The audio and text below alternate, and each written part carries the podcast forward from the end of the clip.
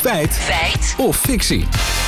Gaat vandaag, uh, Lammert, over de banden die wij met Rusland hebben, die we nog hebben. Hoe zit het daar dan ja, mee? dat is de vraag inderdaad. Want twee dagen geleden is die romp geïdentificeerd, die negen jaar geleden in het ei werd gevonden. En die blijkt van een rijke Russische zakenman te zijn. Wie precies wordt niet verteld, want de familie kan namelijk niet geïnformeerd worden.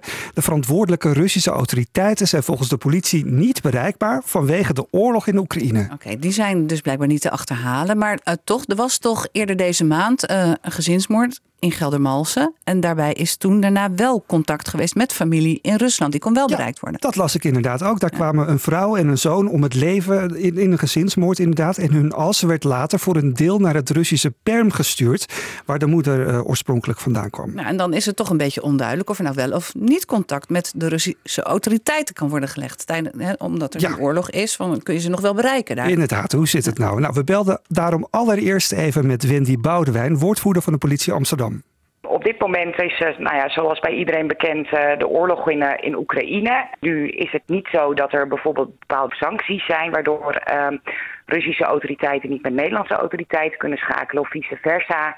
Alleen lukt het ons niet om uh, contact te leggen met de verantwoordelijke Russische autoriteiten, de lokale Russische autoriteiten. Nou, dit lokale politiekantoor is, is min of meer spoorloos verdwenen. Ja, gek verhaal, hè? Daar lijkt het inderdaad wel op. We vroegen ons dus daarom af of Rusland zijn lokale autoriteiten misschien wel heeft opgedragen om niet met de Nederlandse overheid in contact te treden.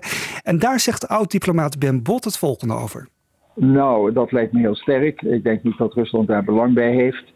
Uh, zeker uh, als het om een uh, zeggen, niet militaire of niet hoogpolitieke aangelegenheid gaat. Dan zie ik niet in waarom niet gewoon contact kan worden opgenomen.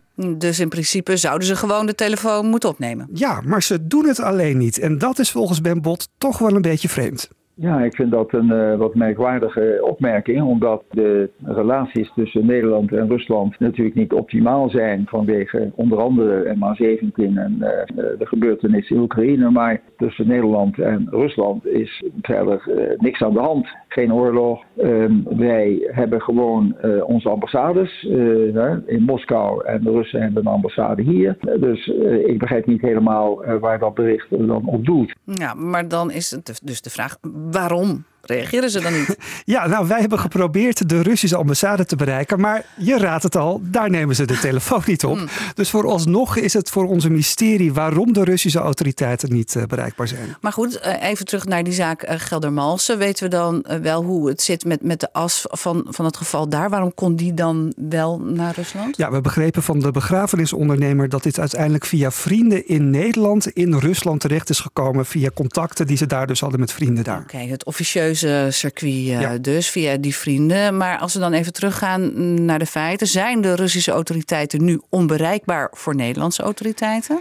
Ja, dan is het inderdaad dus zo dat de Nederlandse en Russische autoriteiten gewoon contact met elkaar onderhouden. Ondanks de oorlog in Oekraïne. Dat de familie dus niet geïnformeerd kan worden vanwege deze oorlog. Dat is fictie. Het is daarentegen wel zo dat er over deze zaak geen contact is. Want ja, dat de Russische autoriteiten moeilijk zijn te bereiken, hebben we zelf ondervonden. Het is absoluut een feit.